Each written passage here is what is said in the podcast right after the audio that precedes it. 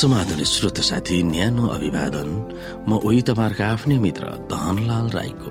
श्रोता आज म तपाईँको बीचमा बाइबल सन्देश लिएर आएको छु। आजको बाइबल सन्देशको शीर्षक रहेको छ ख्रिसमा चुनिएको र ग्रहण गरिएको।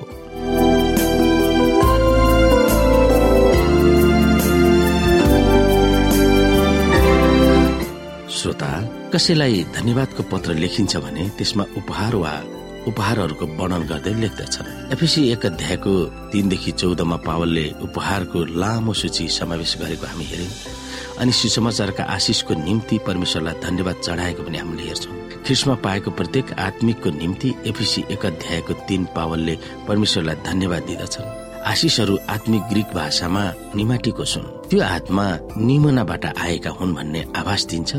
पावलले लेखेको आशिषको अभिवादनको अन्त्यमा विश्वासीहरूको जीवनमा पवित्र आत्माको काम प्रति एफिसी एक अध्यायको तेह्र र चौधमा सराहना र खुसियाली व्यक्त गर्दछन् जब हामी ख्रिस्टमा हुन्छौँ तब परमेश्वरले हामीलाई कुन दृष्टिकोणमा हेर्नुहुन्छ भन्ने विवरण प्रेरणादायी लवजमा एफिसी एक अध्यायको तीनदेखि छसम्ममा उल्लेख गर्दछन्। पृथ्वीको सृष्टिभन्दा पहिले नै परमेश्वरले हामीलाई ख्रिसमा चुन्नु भएको थियो र उहाँको सन्मुख हामी पवित्र र निष्कलङ्क भएर उभियोस् भन्ने उहाँको प्रतिबद्धता थियो भनेर पावलले लेख्दछन्। यति मात्र नभएर दुवै ख्रिसको सृष्टिले र मुक्तिको गुणहरूले गर्दा उहाँका ढुकुटीमा सजिएको हामी बहुमूल्य छोरा र छोरीहरू हुने अवसर पाएका छौँ। सृष्टिमा घामको उदय भएर चम्कनु भन्दा पहिले नै हामी उहाँका प्रियहरू भएर स्वीकार गरिने परमेश्वरको रणनीति थियो। छोटकरीमा भन्ने हो भने हामी मुक्ति पाऊ भन्ने परमेश्वरको अभिप्राय थियो। तर यदि हामी मुक्ति गुमाउँछौ भने परमेश्वरको कारणले होइन हाम्रो आफ्नै पापी र दुष्ट निर्णयहरूले गर्दा गुमाउँछौ। श्रोता नयाँ करारमा एफिसीमा मात्र प्रयोग गरिएको वाक्यांश स्वर्गीय स्थानहरूको अर्थ के हो? यस वाक्यांशलाई किन र कसरी प्रयोग गरेका छन्? सो हामी बाइबलका केही पदहरूमा हेर्न सक्छौ।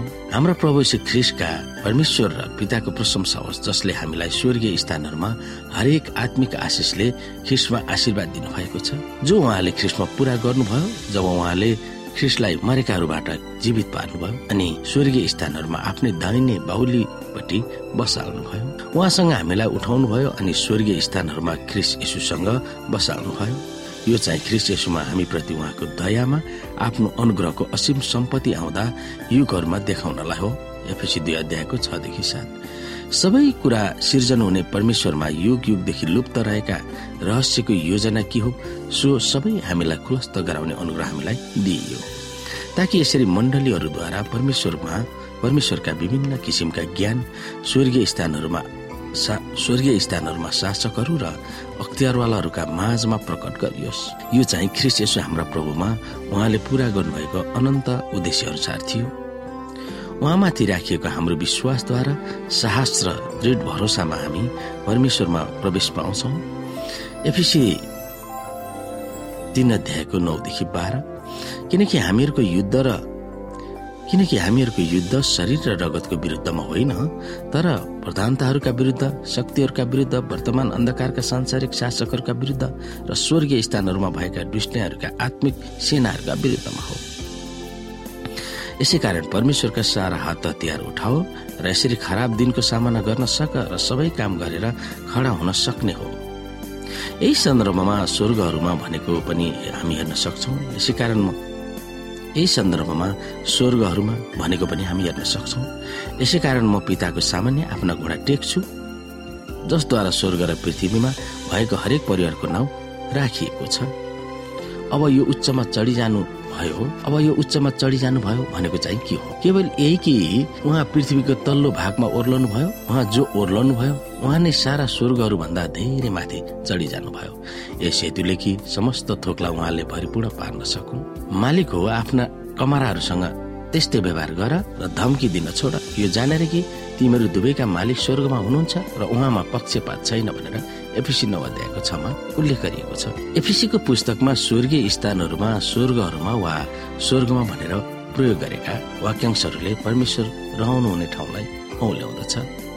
आत्मिक शक्तिहरू भएको ठाउँमा र परमेश्वर पिताको दाहिने हातमा ख्रिसलाई उच्च पारेर राखिएको ठाउँ हो। ती स्वर्गीय स्थानहरूमा यसुका भक्तहरूको पहुँच छ। ती स्थानहरूमा जहाँ ख्रिसद्वारा आत्मिक आशिषहरू उपलब्ध गराइएको छ। ती स्थानहरू भक्तहरूका निम्ति आशिषको थलो भए तापनि ती स्थानहरू भक्तहरूका निम्ति आशिषको थलो भए तापनि ती स्थानहरू त्यसको थलो पनि भएको छ जहाँ दुष्ट वा शैतानका शक्तिहरूले ख्रिसका प्रभुत्वमाथि हमला गरिरहेका छन्।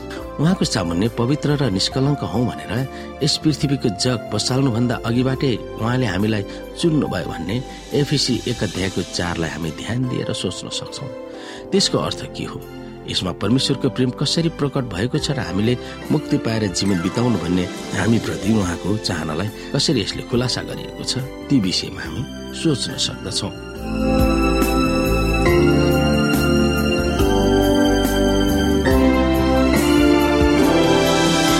श्रोत साथी आजको लागि बाइबल सन्देश यति नै। हस्त नमस्ते जय मसिंह।